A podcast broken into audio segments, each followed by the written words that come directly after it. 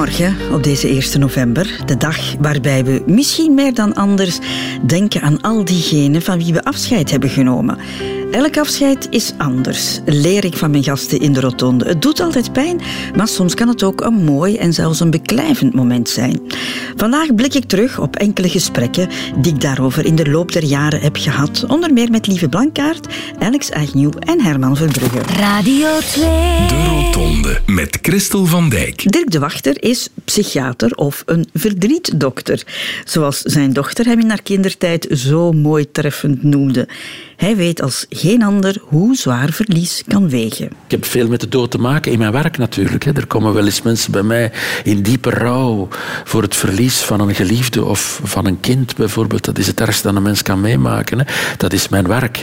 De dood is zeker een, eh, een vast onderdeel van mijn, eh, van mijn werk. Dus dat, dat is iets wat ik ook, ook zoals het verdriet. Dus de dood is vaak een groot verdriet dat geen plaats krijgt in onze maatschappij waar niet kan over gesproken worden in de vrolijkheid van het dagelijkse feest. Hè. Uh, en, en, en waar mensen ziek van worden. Eh, Omdat ze niet genoeg kunnen rouwen. Jazeker, omdat onze maatschappij niet zoveel plaats heeft voor rouw. Zeker niet op de long run. Er, er zijn uh, begrafenisplechtigheden met veel toestanden en tegenwoordig met, met live muziek en PowerPoint-presentaties over de fantastische mens die er niet meer is. Maar een paar dagen nadien moeten we wel terug feesten. Hè? Dat was vroeger zo niet. Hè? De mensen liepen heel lang, weken of maanden in, in het zwart. En ik wil niet terug naar vroeger, ik moet dat ook altijd benadrukken. Hè? Maar ik denk dat dat het omgaan met verdriet en rouw een aandachtspunt is voor een wereld die maar doordendert en jeugdig en fantastisch. En, en de dood, dat is iets dat een beetje ambetant is. Dat moet de ouderdom trouwens ook. En de aftakeling en ziekte, al die dingen, dat past niet in het modieuze, fantastische beeld van, van de mens.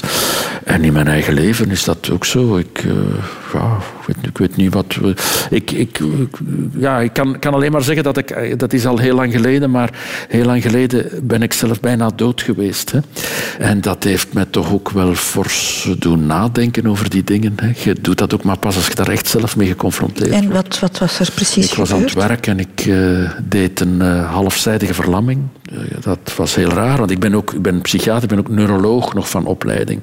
Dus ik deed een halfzijdige ver verlamming tijdens de consultatie. Ik zei aan die mensen van ik voel me niet goed. ik voelde hoe ik mijn been niet meer kon bewegen, mijn arm niet meer kon bewegen. Hoe ik helemaal verlamd werd langs één kant. Ik dacht, ik ga mijn vrouw bellen. Ik kon niet meer spreken, ook niet. Allee, een hele geschiedenis die zeer uh, ja, heel beklijvend was. Zo. Maar ik ben daar, zoals u ziet, uh, goed van hersteld. Ik voel mij oké, ik ben goed gezond. Maar toen heb ik wel gedacht van, Jezus, Maria, Jozef, wat is dat hier? Zelfs ben ik dood.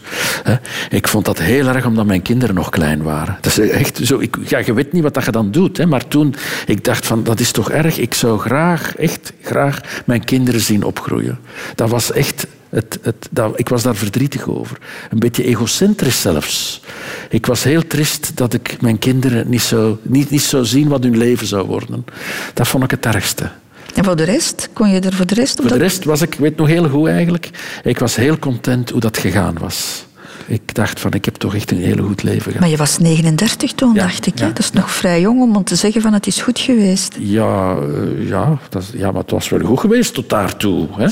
uh, ja, het was goed. Ik, ik dacht van, eigenlijk is het toch wel heel goed geweest. Ik ben toch echt wel een tevreden mens. Uh, en ik wou ook wel, ik had, die, die gedachten had ik allemaal, ik wou liever dood dan erg gehavend zijn. En dan vooral een rolstoel zag ik nog wel zitten. Ik zeg allemaal rare dingen hoor, maar, maar ik wou mijn spraak niet verliezen. Want ik wou mijn beroep blijven doen. Mm. Ik dacht, als ik niet meer kan spreken en geen psychiater meer kan zijn, dan ben ik liever dood. Maar ik ben helemaal hersteld en ik ben nog ik weet niet hoe lang psychiater geweest en nog altijd en nog heel lang hoop ik. En ik zie mijn kinderen groot worden en ondertussen zijn ze ook wat meer in het leven en hebben ze hun studies gedaan en zijn ze volwassen en vind ik dat heel plezant dat ik dat nog heb mogen meemaken. Dus alles sindsdien is eigenlijk een soort, een soort extra time. Een bonus die ik weet. Absoluut, ja. ja. Ik beleef het echt zo. De Rotonde. Radio 2. Radio 2. Een gesprek met stand-up comedian Alex Agnew. Altijd doorspekt met humor, zelfs als het om de dood gaat. Hoewel, denken aan zijn eigen einde hem toch niet meteen vrolijk maakt. Ik probeer daar niet te veel bij stil te staan. Ik heb ooit eens een, eh, een, een uitspraak gelezen en die zegt: Anticipation of death is worse than death itself. Hoe gaan we dat vertalen? Uh, dus ja, er te veel zorgen over Ja, het, het, het schrik hebben voor de dood of het anticiperen van de dood is erger dan de dood zelf. Ik ben natuurlijk nog nooit dood gegaan, dus ik kan u niet zeggen hoe dat, dat gaat voelen. Maar ik denk dat dat ook een heel rare gewaarwording is. Hè? Dat je zo doorhebt van, dat was het hier voor mij. Maar ga je dat doorhebben? Of is dat dood ook gedaan? Het kan natuurlijk ook zijn dat je zo eh, dat laatste gedacht dat je hebt van amai, die camion is dichtbij of zo en, en dat was het dan of zo. Dat weet ik niet. Ik weet niet wat dat je dan denkt hè, op dat moment. Maar ik kan me voorstellen dat als je in een ziekenhuis ligt na een slepende ziekte en je moment breekt aan, dat je dat misschien wel aanvoelt of dat je dat wel door hebt dat dat gaat gebeuren of zo. Mm -hmm. Je hebt dat bij je vader meegemaakt? Die ik heb dat is heel, heel, lang ziek, uh, ja. heel lang ziek geweest. Ja. Voor jou trouwens een heel ingrijpende periode ook, Ja. want hij werkte toen niet meer en jij, jij, jij was de kostwinner op dat Mhm. ogenblik. Ja, toen woonde ik zelfs al niet meer thuis ook. Maar ik ben toen...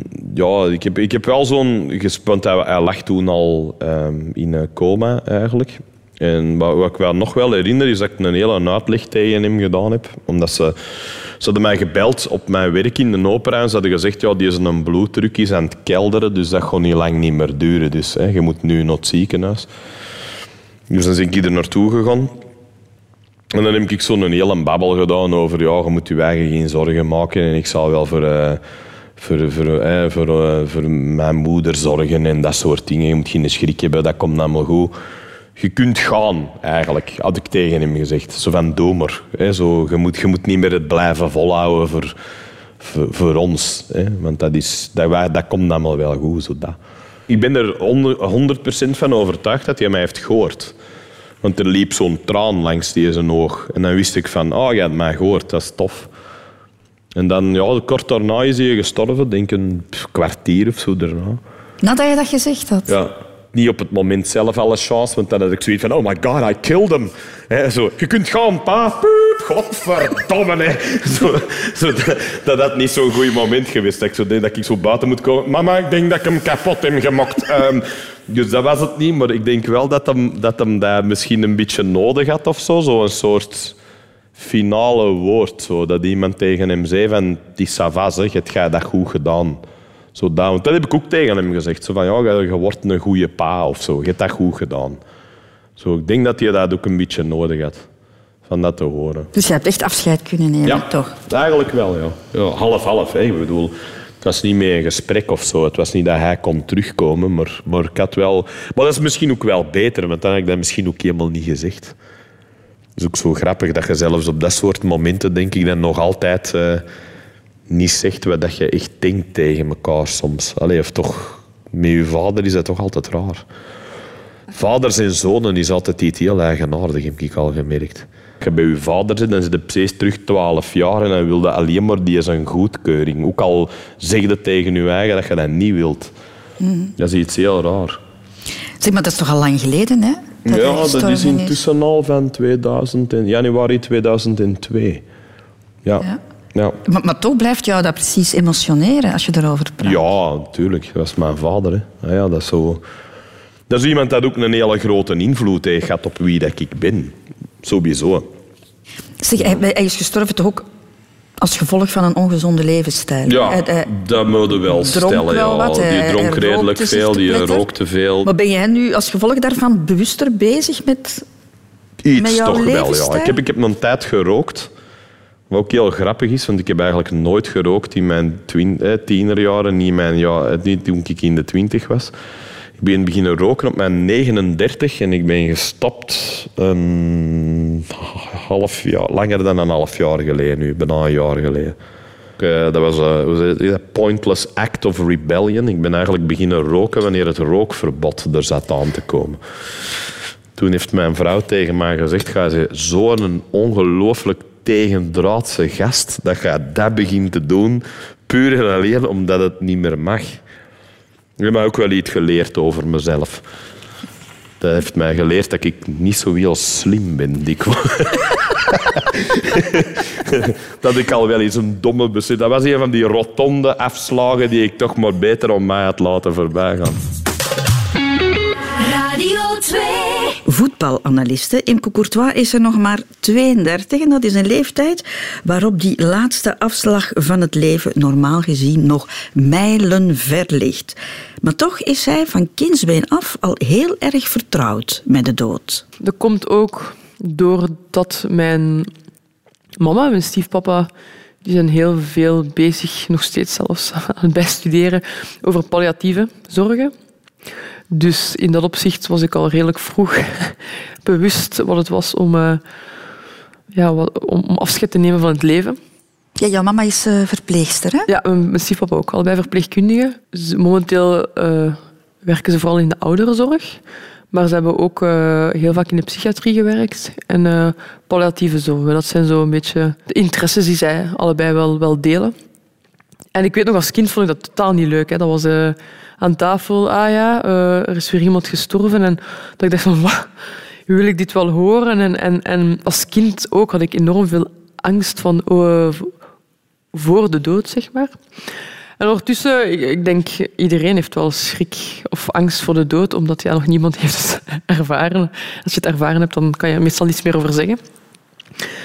Maar ik denk daar wel over na en dan denk ik, het enige wat mij angst inboezemt op dit moment nog, is het idee van het gaat verdomd snel, de tijd.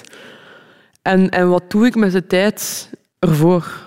Wat doe, wat doe ik nu met mijn leven, zodat ik op het einde van mijn leven het idee zal hebben van ik heb een goed leven gehad. En dan, dan kan ik me echt druk maken in het feit dat ik toch nog af en toe ruzie maak met mensen dat totaal niet nodig is. Of, of ja, het gaat gewoon zo snel. Ja, gisteren was ik bij wijze van spreken nog 18. Mhm. En dus als ik morgen opsta, dan ben ik 70.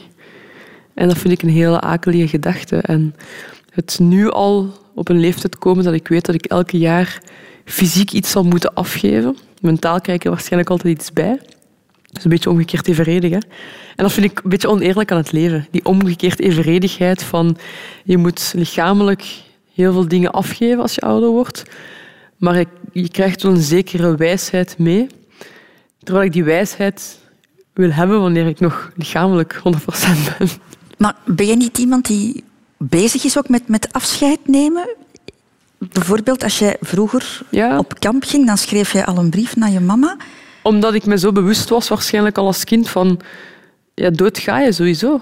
En we weten niet wanneer. Dat kan, dat kan vandaag, dat kan morgen zijn en dat kan binnen een maand zijn. Dus ik denk dat ik in een bepaald opzicht altijd al wou anticiperen van als die persoon dan sterft, dan, ja, dan, dan heb ik in een bepaald opzicht al afscheid genomen. Dus jij schreef echt een brief voor het geval dat jouw mama... Nee, nee, nee. Van, beste mama, als je morgen sterft, dan weet dat ik je altijd graag heb gezien. Nee, maar ik denk dat het wel belangrijk is dat, dat, dat wij stilstaan met het idee dat het snel kan gedaan zijn en dat, je, dat het heel belangrijk is om te zeggen tegen iemand dat je iemand graag ziet. Dat je niet moet wachten op het moment dat iemand op zijn sterfbed ligt om dan te zeggen van zeg, ik zie u echt graag en bedankt voor alles. Nee, ik denk dat je dat op elke dag moet kunnen doen.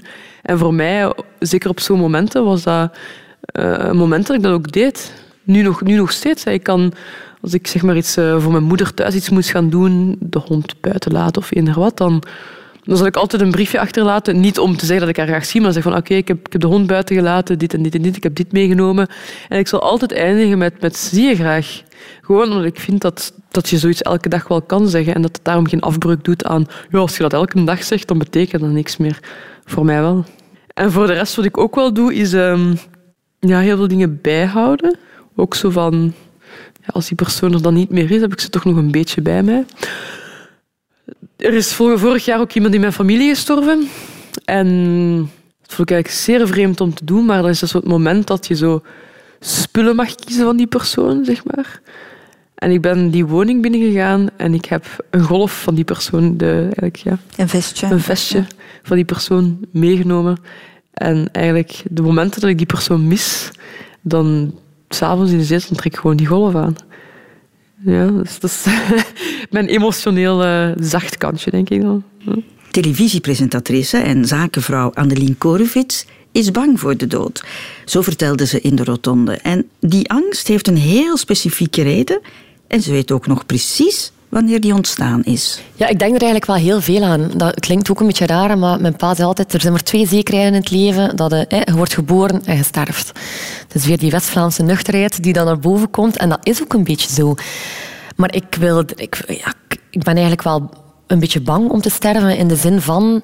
Ik heb dat altijd al ook, ook een beetje gehad toen ik nog thuis woonde vroeger. En Olivia toen stages en was toen weg in de weekends. En dat was ook, de weekends waren ook altijd voor mij. En ik weet nog dat, dat ik er ook met twee kleine kinderen zat en dat ik altijd maar dacht... Maar als er hier nu iets gebeurt met mij, of ik overlijd hier in mijn slaap, of gelijk wat er hier mag gebeuren, dan weet niemand dat ik dood ben en zijn mijn kinderen niet alleen. Dus ik heb altijd een heel grote die, de verantwoordelijkheid gevoeld tegenover die kinderen van ik mag hier niet sterven. Want mijn kinderen kunnen niet opgroeien zonder moeder. Dus eigenlijk begonnen die angst een beetje, is begonnen sinds dat ik kinderen heb. Vliegangst bijvoorbeeld. Ik ben er nooit een fan van geweest. Van in een vliegtuig zitten, maar ik moet nu eenmaal veel vliegen voor mijn werk. Ik zweer het, sinds dat ik kinderen heb en ik kruip in een vliegtuig, ik ben panisch. Ik wil niet sterven. Maar dan is de schrik voor de dood is eigenlijk eerder de schrik om jouw kinderen te moeten achterlaten. Ja, ik denk dat het niet zozeer schrik is voor de dood, want ik denk, oké, ja, we sterven wel ooit allemaal. Maar dan hoop ik dat het echt nog lang mag duren en dat, dat ik eerst kan meemaken dat alles gewoon op zijn plooi valt en dat ze ook gewoon een eigen leven hebben. En dat... Want nu voel ik dat, dat, dat er nog te veel mensen zijn die mij nodig hebben. En ja, sorry, maar ik kan ook nog niet gewoon sterven. er moet nog gezorgd worden. Het is geen optie, hè. Dus ja, dat ik maar nog lang mag, mag leven, toch. Ja, ik wil ook nog gewoon zoveel dingen doen. Ik wil nog heel veel dingen doen. Ik wil nog heel veel dingen meemaken. Ik wil, ja, ik wil niet sterven. Ik ben er eigenlijk wel een beetje, ja, een beetje bang voor. Ja. Hoop je dat er iets komt nog daarna? Ja, daar ben ik dan weer veel te realistisch en veel te nuchter in. Dat ik wel weet dat dat niet zo is. Maar ik ben ook wel, ik hou ook wel van die, van die, uh, ja, die melancholische bijgeloven. Die, mijn, mijn grootvader is gestorven, hè, de, de, papa van mijn mama. En die heeft, uh, ik weet niet of je dat weet, maar je kunt sterren kopen. Ja, die heeft een ster gekocht. En die zei altijd, uh, als ik sterf, dan moet je gewoon naar boven kijken en ik zit op die ster.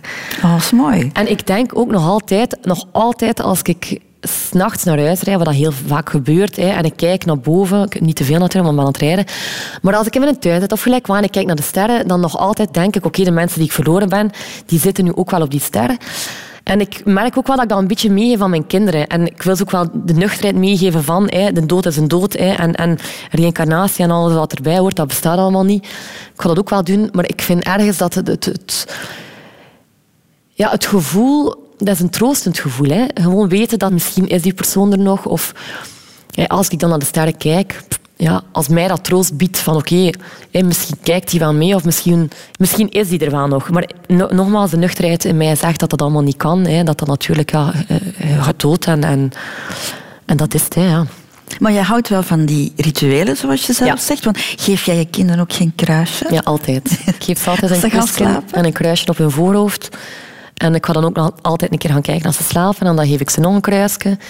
En ik brand ook nog altijd kaarsjes. Onze grootmoeder deed dat, mijn overgrootmoeder deed dat. Ik vind dat, ik vind dat iets leuk om nog altijd ook te doen. Als er iemand bijvoorbeeld moet... Als ik binnenkort ben ik weer weg voor opnames, dan zit ik weer al meer dan twaalf uur in een vliegtuig. Dan weet ik dat mijn moeder een kaarsje brandt. En ik vind dat gewoon heel fijn. En ik doe dat ook voor mijn dochter ik weet, als, als er iets is of ze, heeft iets spannends, zeg ik, mama, ga een kaarsje branden. Hè. Zij is oud genoeg om dat te beseffen. En ik vind dat ook wel gewoon leuke, leuke rituelen. Ik vind dat iets leuk om mee te geven. Ja, mijn moeder doet dat ook altijd. Dat is gewoon eigenlijk een, een kwestie van, ik denk aan jou. Ja, voilà, voilà. En dus, wij zijn niet zo... Allez, ik, ik kan niet veralgemenen, maar ik ben niet zo sterk in gevoelens uiten. Ik ben er heel slecht in trouwens. Dus dan denk ik, oké, door een kaartje te branden of door die kleine dingen, laat ik wel zien dat ik wel houd van hen of dat ik aan hun denk. Voilà. Straks, na negen uur, vertelt Walter Dame hoe belangrijk hij de nu-momenten van zijn dementerende moeder vond. En we leren ook van Paula Semer hoe mooi het koesteren van herinneringen is. En dat is iets waar acteur Sven de Ridder het zeker eens mee is. Ik praat ook graag over, over mijn familie die overleden is. Dus over mijn moeder, maar over mijn grootouders. En um, ik heb ook het geluk dat die allemaal eigenlijk op het schoonste lof uh, begraven liggen. En allemaal nog eens op hetzelfde perk ook begraven liggen. Dus ik kan echt zo van, van, van het ene graf naar het andere gaan met een verhaal uh, tegen mijn dochter van dit is uh, uw overgrootmoeder en dit is uw bed overgrootmoeder of vader. En um, Ja, dat is, ik, ik, ik hou wel van begraafplaatsen, omdat daar zoveel verhalen weer hangen en zoveel... Mijn fantasie slaagt er weer op hol ook, zo van, van mensen die ik dan niet ken, maar dat ik dan verhalen begin te fantaseren van wie was dat. En, en ja, ik hmm. kom daar ook tot rust uh, op een kerkhof, letterlijk. Assisepleiter Walter Dame is een man die nooit stilzit. Veel eisende job, er zijn zijn bezigheden in het voetbal. Tussendoor schrijft hij dan ook nog eens misdaadromans. Dus je zou denken, zo iemand die is te druk bezig om stil te staan bij dat moment waarbij alles stilvalt. Niks is minder waar. Hij denkt er wel over na. Ik heb zo een, een zaak gedaan met iemand die voor de slachtoffers en die vrouw had een, een, halve dag uit een psychiatrische instelling mogen gaan en die heeft willekeurig iemand op straat doodgestoken. Ja. En dan denk ik van, het moet u maar overkomen. Dus ik, ik geloof grotendeels wel een stuk in het lot en, en, ook nog veel feller in het toeval. En als je op de verkeerde plaats, op het verkeerde moment bent, dan kan je van alles overkomen. En vandaar dat ik ook terecht tot het leven te pure wijze in het leven zit. En zo weinig mogelijk zaken uit te stellen mm naar een later tijdstip, want dan komt het misschien niet meer. En misschien dat dat ook de reden is dat ik met zoveel zaken bezig ben. Bij het leven hoort ook afscheid nemen, Walter. We hebben het daar net al even over gehad. Jouw, jouw moeder is uh, onlangs gestorven. Ja, klopt. Is dat een afscheid geworden waar je troost aan hebt overgehouden? Ja, ergens wel. Uh, omdat... Ja, je zag dat natuurlijk ergens wel aankomen. Ons mama was ook dementerend. En voor mij was altijd de grens rond een, een, menswaardig bestaan, zolang dat ze wist wie dat in haar omgeving was. Dat ze de kinderen en hun echtgenoot eigenlijk nog, nog herkende.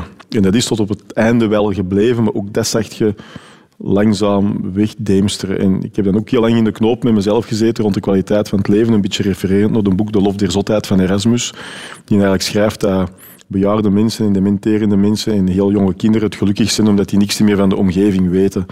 En ik heb heel lang geworsteld met de levensvraag van wat is de kwaliteit van mijn mama haar leven nog? En eigenlijk ook over, kan ik wel oordelen over die kwaliteit van het leven? Mag ik mij in de plaats stellen van mijn moeder? Dus ik heb toen ook de keuze gemaakt dat ik die periode zo, zo goed mogelijk met haar wou doorbrengen. Ik ben ze nog heel veel gaan halen uit een home. Ze is nog veel bij mij thuis geweest. We zijn er nog mee op restaurant gegaan. Dus ik, ik vond dat heel belangrijk dat ik dat toen allemaal kon doen. En op het einde, als ze dan stervende was, zijn we er ook heel lang bij kunnen zijn. En ik heb zo'n moment met mijn mama toen nog gehad, waar ik van denk dat ze het nog goed besefte, dat het haar laatste moment was. Dat ze ook goed besefte dat ik daar zat. En, en dat is wel iets dat ik koester. En we hebben eigenlijk een heel mooie begrafenis gehad waarbij dat elk kind heeft kunnen vertellen hoe dat hem, eh, zijn moeder had ervaren. En dat was heel deugdtonend. Ja.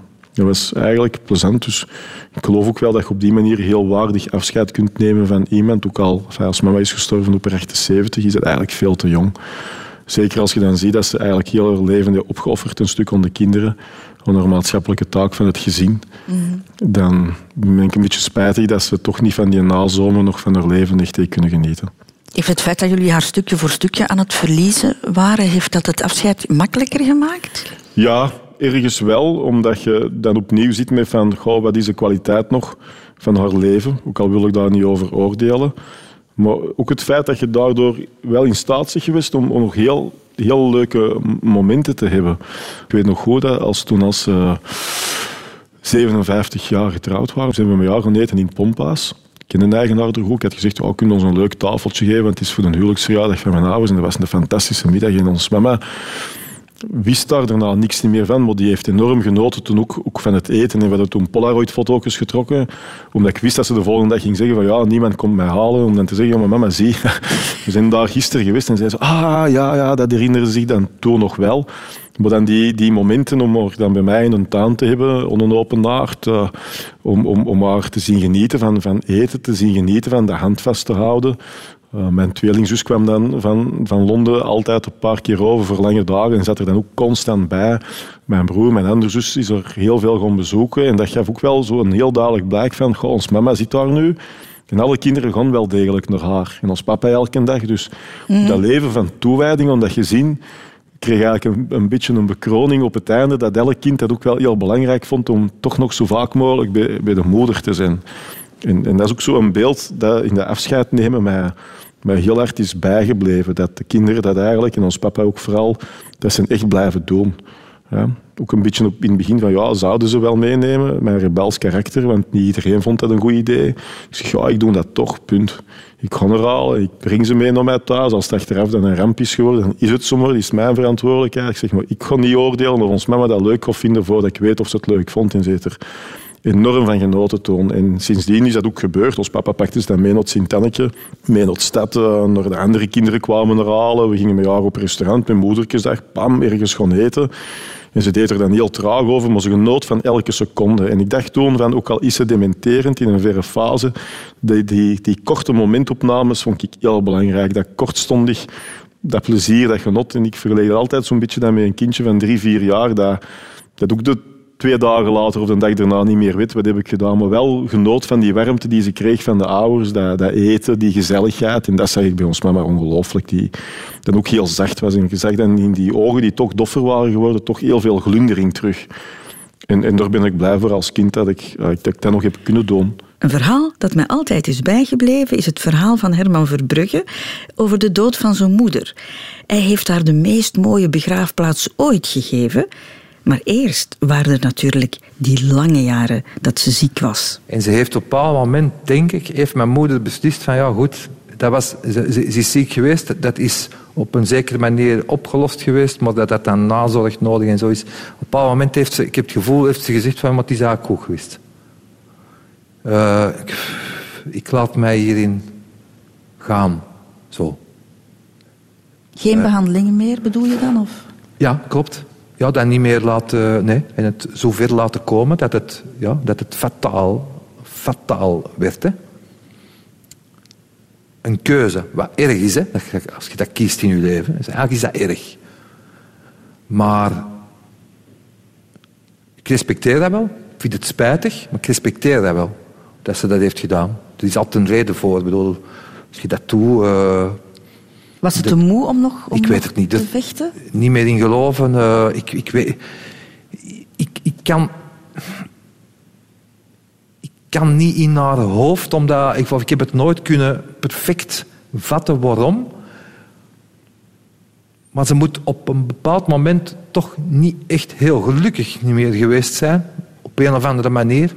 Want anders... Uh, iemand die nog perspectief zie en die, die, die, die het nog niet wil, die doet alles om terug gezond te worden. En ze heeft dat niet gedaan. Heeft ze jou of jullie daarin geraadpleegd, daarbij betrokken?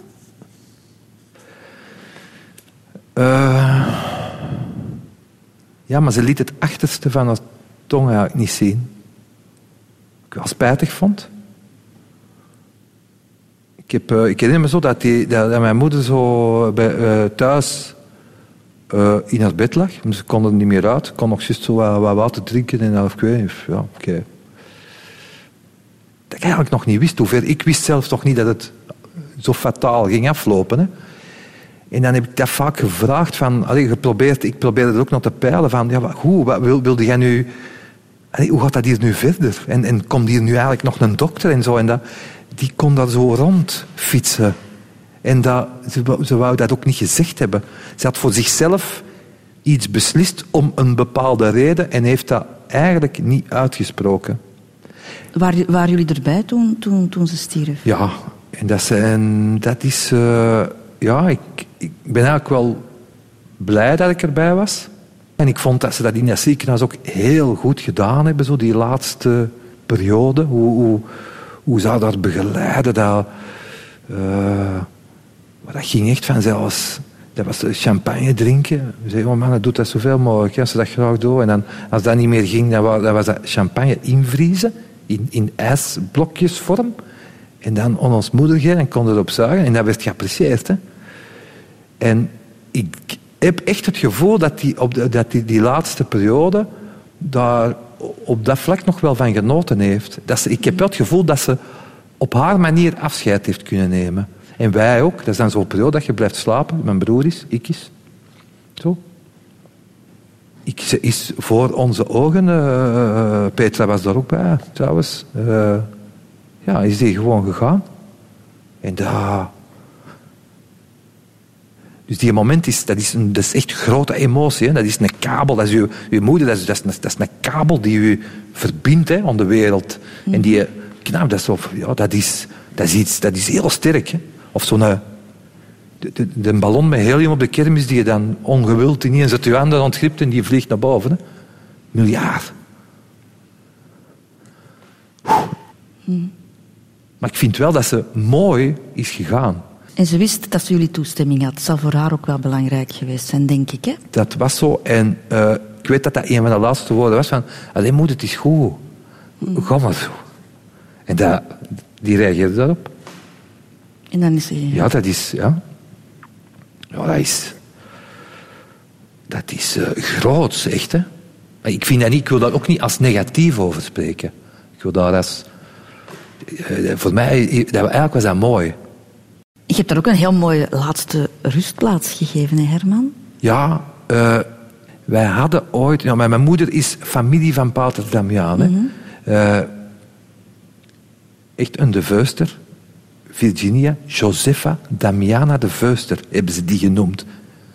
En wij hadden ooit, uh, een paar jaar voor ze gestorven is, hadden wij eigenlijk een reis gepland naar Molokai, naar Hawaii, om die boel dat eens te gaan bekijken. Hè. En dat hebben we moeten afgelasten door uh, de ziekte. Hè? Mm -hmm. We zijn niet gegaan.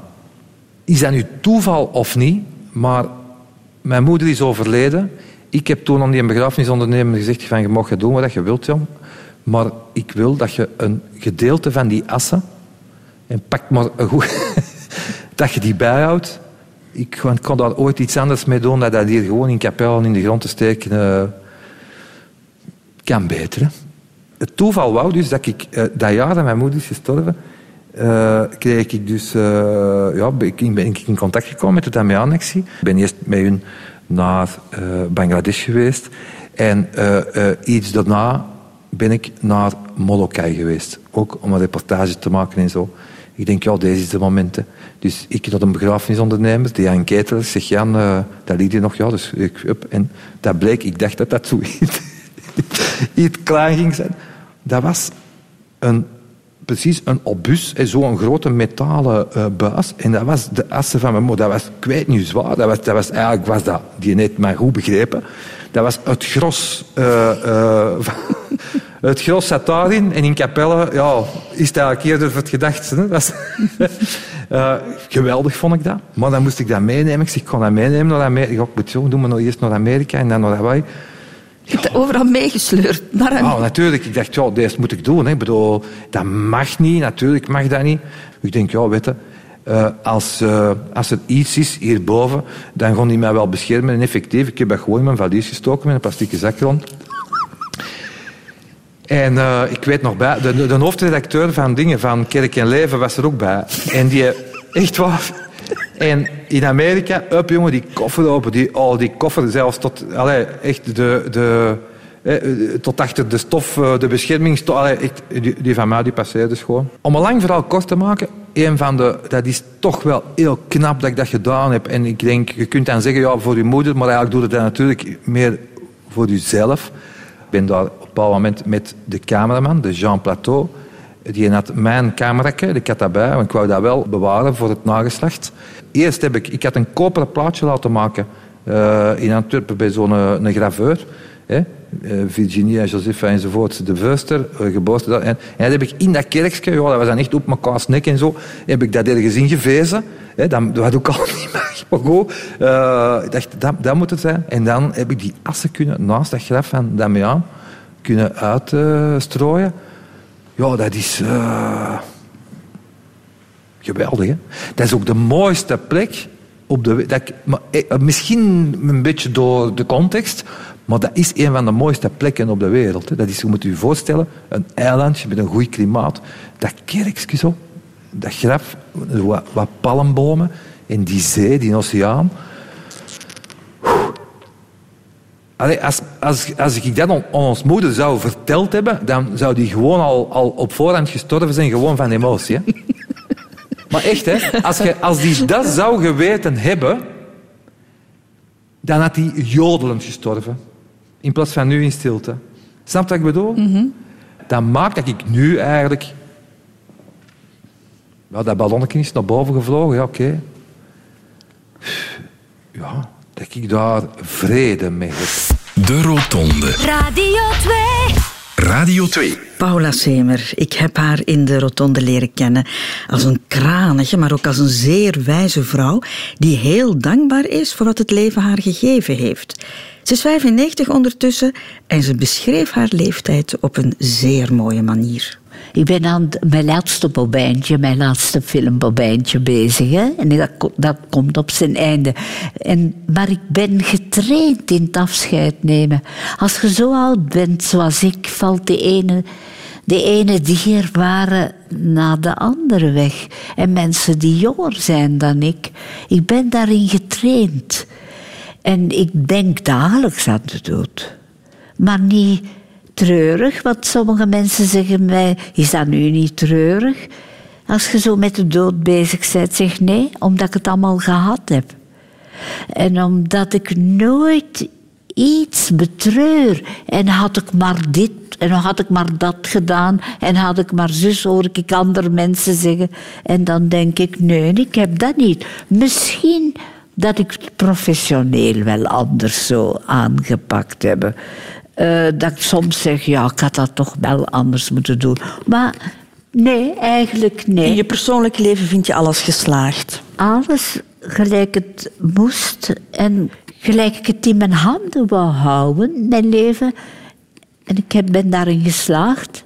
Maar je denkt elke dag aan de dood, zeg je? Ik denk iedere dag even aan de dood, ja. En iedere dag denk ik, dit is de laatste, ook dit hier, hè, dat onthaal in de rotonde. Dit is de laatste keer, hè. Dat denk ik iedere keer. En de voldoening is nu dat ik dat nog heb aangekund. Hè? Dat ik dat weer nog aangedurfd heb. Want dat is allemaal niet evident. Hè? Je bent minder mobiel, je hoort minder goed. Je, ja, uh, het onbekende. En uh, waar ik extreem gevoelig voor ben geworden en wat het afscheid moeilijker zal maken, is mijn gehechtheid in de vriendschappen, in, de, in mijn entourage. Mhm. Maar ja, jouw, jouw entourage wordt ook leger, hè? Leeg. Want je hebt gezegd, je hebt, je hebt al veel afscheid moeten nemen. Ja. Loert de eenzaamheid dan soms om de hoek? Ja, soms wel. Maar nooit treurig. Het is zo constateren, ik ben toch eenzaam. En dan zeg ik, nee, je bent alleen. Maar je hebt die rijkdom van al die herinneringen. Ik kan niet zeggen dat ik ineens mensen moet zien of zo. Nee, als dat, ja, dan duik ik in mijn eitje, zeg ik altijd. Mijn eitje van binnen. Dan zit ik lekker beschermd in mijn eitje. En dan, denk, dan werk ik daaraan. En dan denk ik aan het verleden. Wat heb je toch mooie dingen meegemaakt. Maar heb je dat moeten leren om alleen te zijn? Ja. Want je was altijd omringd hè, door mensen? Ja. Ik was nooit alleen. Bij ons thuis dan niet, dan met Herman. Ja, je moet dat leren. En ik moet zeggen, uh, als je alleen bent en je partner leeft nog, dan genoot ik van het alleen zijn. Ik ging alleen in het bos wandelen, Herman wandelde niet zo graag. Maar als ik nu alleen in het bos wandel, dan weet ik, ik kom thuis en dat is daar nu doodstil en donker en daar is niemand. Mm.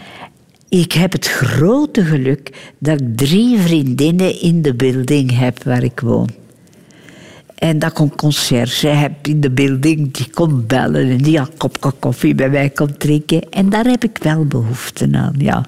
Je hebt ook het geluk, Paula, dat je eigenlijk toch nog altijd zeer mobiel bent. Ja, en dat je hersenen ook nog goed werken. Dat is iets belangrijk. Het zit allemaal tussen je oren. Alles je dagelijks leven, je humeur, daar moet je mee bezig zijn. Want dat mensen vragen mij, maar wat doe jij nu? Jij die, die zo actief bent geweest. Dan zeg ik leven. Oud zijn is een fulltime job, was mijn leuze, maar nu nog meer dan ooit. Als je alleen al aan je inkopen denkt, ik moet dat organiseren, want dan rijd ik met mijn rollator mijn boodschapjes doen. Te voet, te voet, alles te voet. Dan moet ik uh, potje koken, hè, want ik, ik eet niet graag zo te eten dat ze zo aan huis brengen. En dan is er uh, een beetje lezen, ik draag mij dat zelf allemaal op. Televisie kijken. ah ja, en voordat ik het weet is de dag voorbij. En Mhm. dan denk ik, wat heb ik nu eigenlijk gedaan? En dan zeg ik tegen mezelf, Zeberke, je hebt geleefd. Ik, ja, ik ben er wel erg cerebraal mee bezig, zo. Een beetje voor de hersenen. En denk ik, zou ik nog een nieuwe taal leren of zoiets? Je hebt nog wel een nieuw salon gekocht, hè? Ik heb nog een nieuw salon gekocht. En dan komen mijn buren allemaal naar mijn salon te kijken. Want eerst zeggen die dan...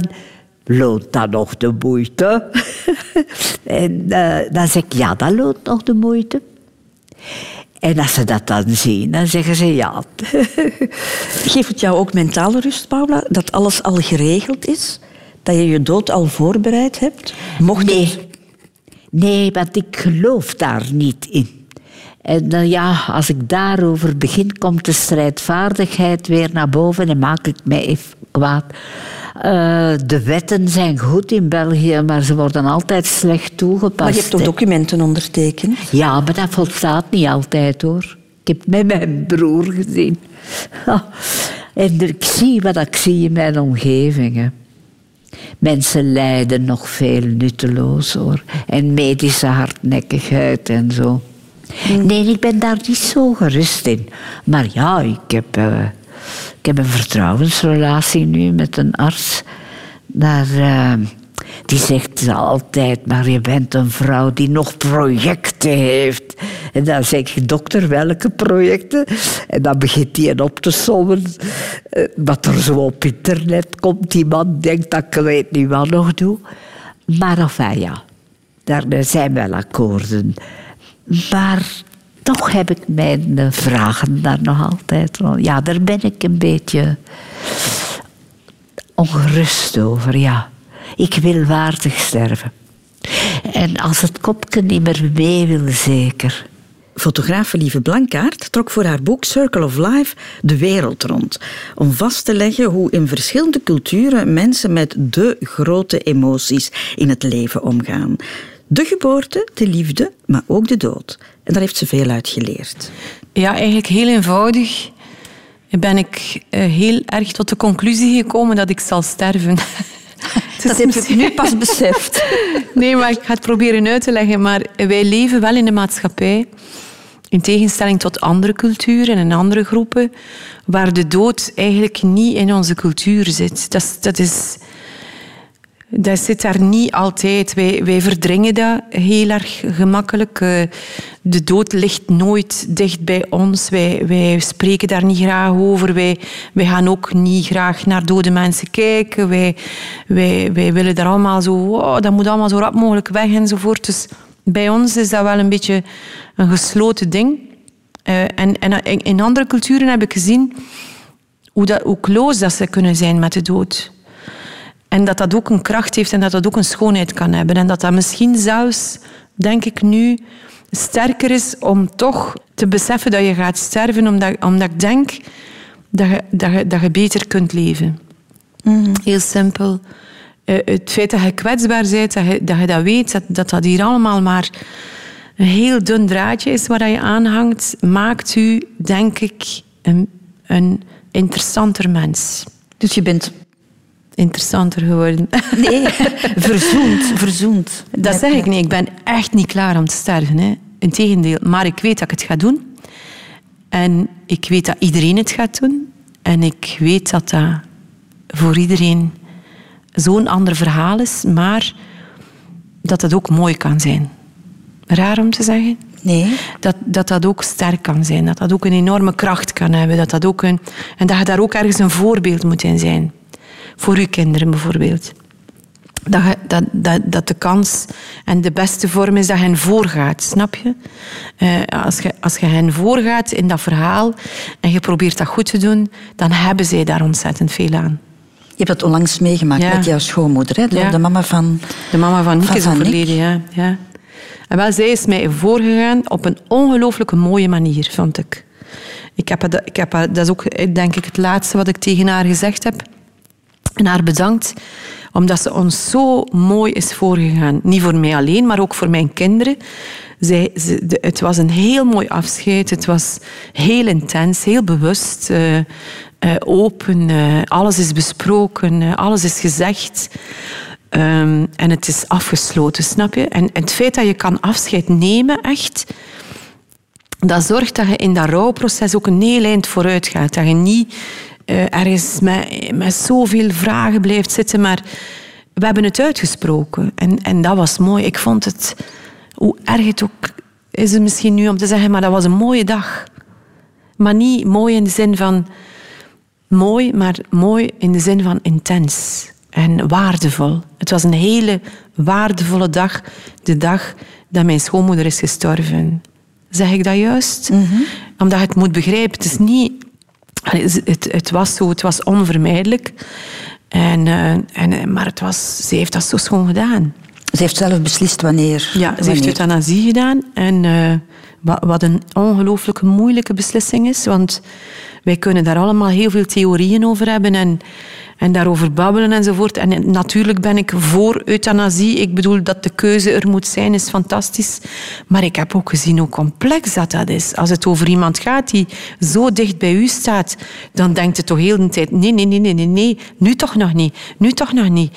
Eh, kom aan, we kunnen nog een eind. Eh, we gaan nog, want zij sprak al langer over euthanasie, omdat ze uitgezaaide longkanker had en, en, en, en wist dat dat einde niet mooi zou zijn, dat dat, dat, geen goed einde zou zijn, mocht ze het allemaal uitzingen. En, en, en voor haarzelf en, en wie dat zij was en, en hoe dat ze in het leven stond en, en haar filosofie, dat, dat, die euthanasie, dat paste perfect in haar, in haar denken. En, en, en dan moeten wij dat respecteren, snap je? En, en dat was ja, supermoedig van haar. Ja, straffe, een straffe madame, die ma van Nick. Ja. Jouw mama leeft nog? Ja. Die is dapper, fit, eh, gezond. Ze is een beetje doof, maar dat is niet erg. Allee, ik vind dat erger dan dat zij dat vindt, denk ik. Maar zij is wel heel... Ja, ze heeft toch nog wel een enorme kracht. Ik denk dat die echt nog wel hier lang gaat zijn. En behalve heel veel herinneringen, zal jij zeker één tastbaar ding van haar eh, hebben. En dat zijn haar recepten. Ah, inderdaad. Oh, ik was het helemaal vergeten. Eh, oh, dat is al super lang geleden. Dus ik heb een boek gegeven aan haar. eh, lang, lang geleden al. En omdat mijn moeder echt wel goed kan koken. En die kan ook zo schoon taarten bakken. En, en sommige dingen die, die ik misschien ondertussen al niet meer eet. Maar, en ik heb haar gevraagd, ik zou graag hebben, Moeke, dat je dat allemaal opschrijft met de hand. Weet je wel? En al de rest moet ik niet hebben. Weet je, maar dat boek is mijn boek. Toch mooi? Haar kookboek. Vraag er toch nog maar eens naar. Ik ga zo eens naar vragen. Denk het niet, denk het niet. Dat zal wel ergens in haar huis liggen op een bepaald plekje en op een dag zal ik dat boek vinden. De grootste familie. Radio. Radio 2. De zondag is alweer een eind opgeschoven, bijna tien uur ondertussen. Maak er een hele mooie dag van.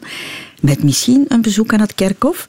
En dat is iets wat Sven de Leijer ook regelmatig doet. Zijn vader daar gaan bezoeken. Op een wel heel speciale manier.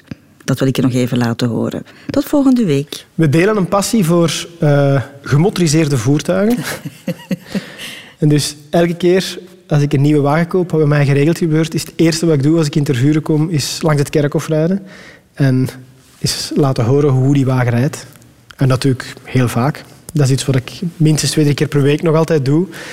Ehm, dus dat is iets wat ik sowieso eh, met hem altijd zou gedeeld hebben. En ja, wij, wij waren op heel veel vlakken, hadden wij dezelfde interesses. Dus gewoon, ja, ik droom er soms van en dat vind ik heel plezant. Omdat het moment zelf is dat wel even triest, maar het is heel fijn om zo soms nog eens een nacht met uw vader doorgebracht te hebben. Ook al is hij dan al 15 jaar weg. Maar om een of andere rare reden is dat dan plots wel heel plezant, want je hebt het gevoel, hé, hey, ik heb nog eens gezien. En het klopt nog allemaal zo. Dus dat is, ik, vind dat, ik, ik hoop er altijd op dat dat frequenter gebeurt, die dromen.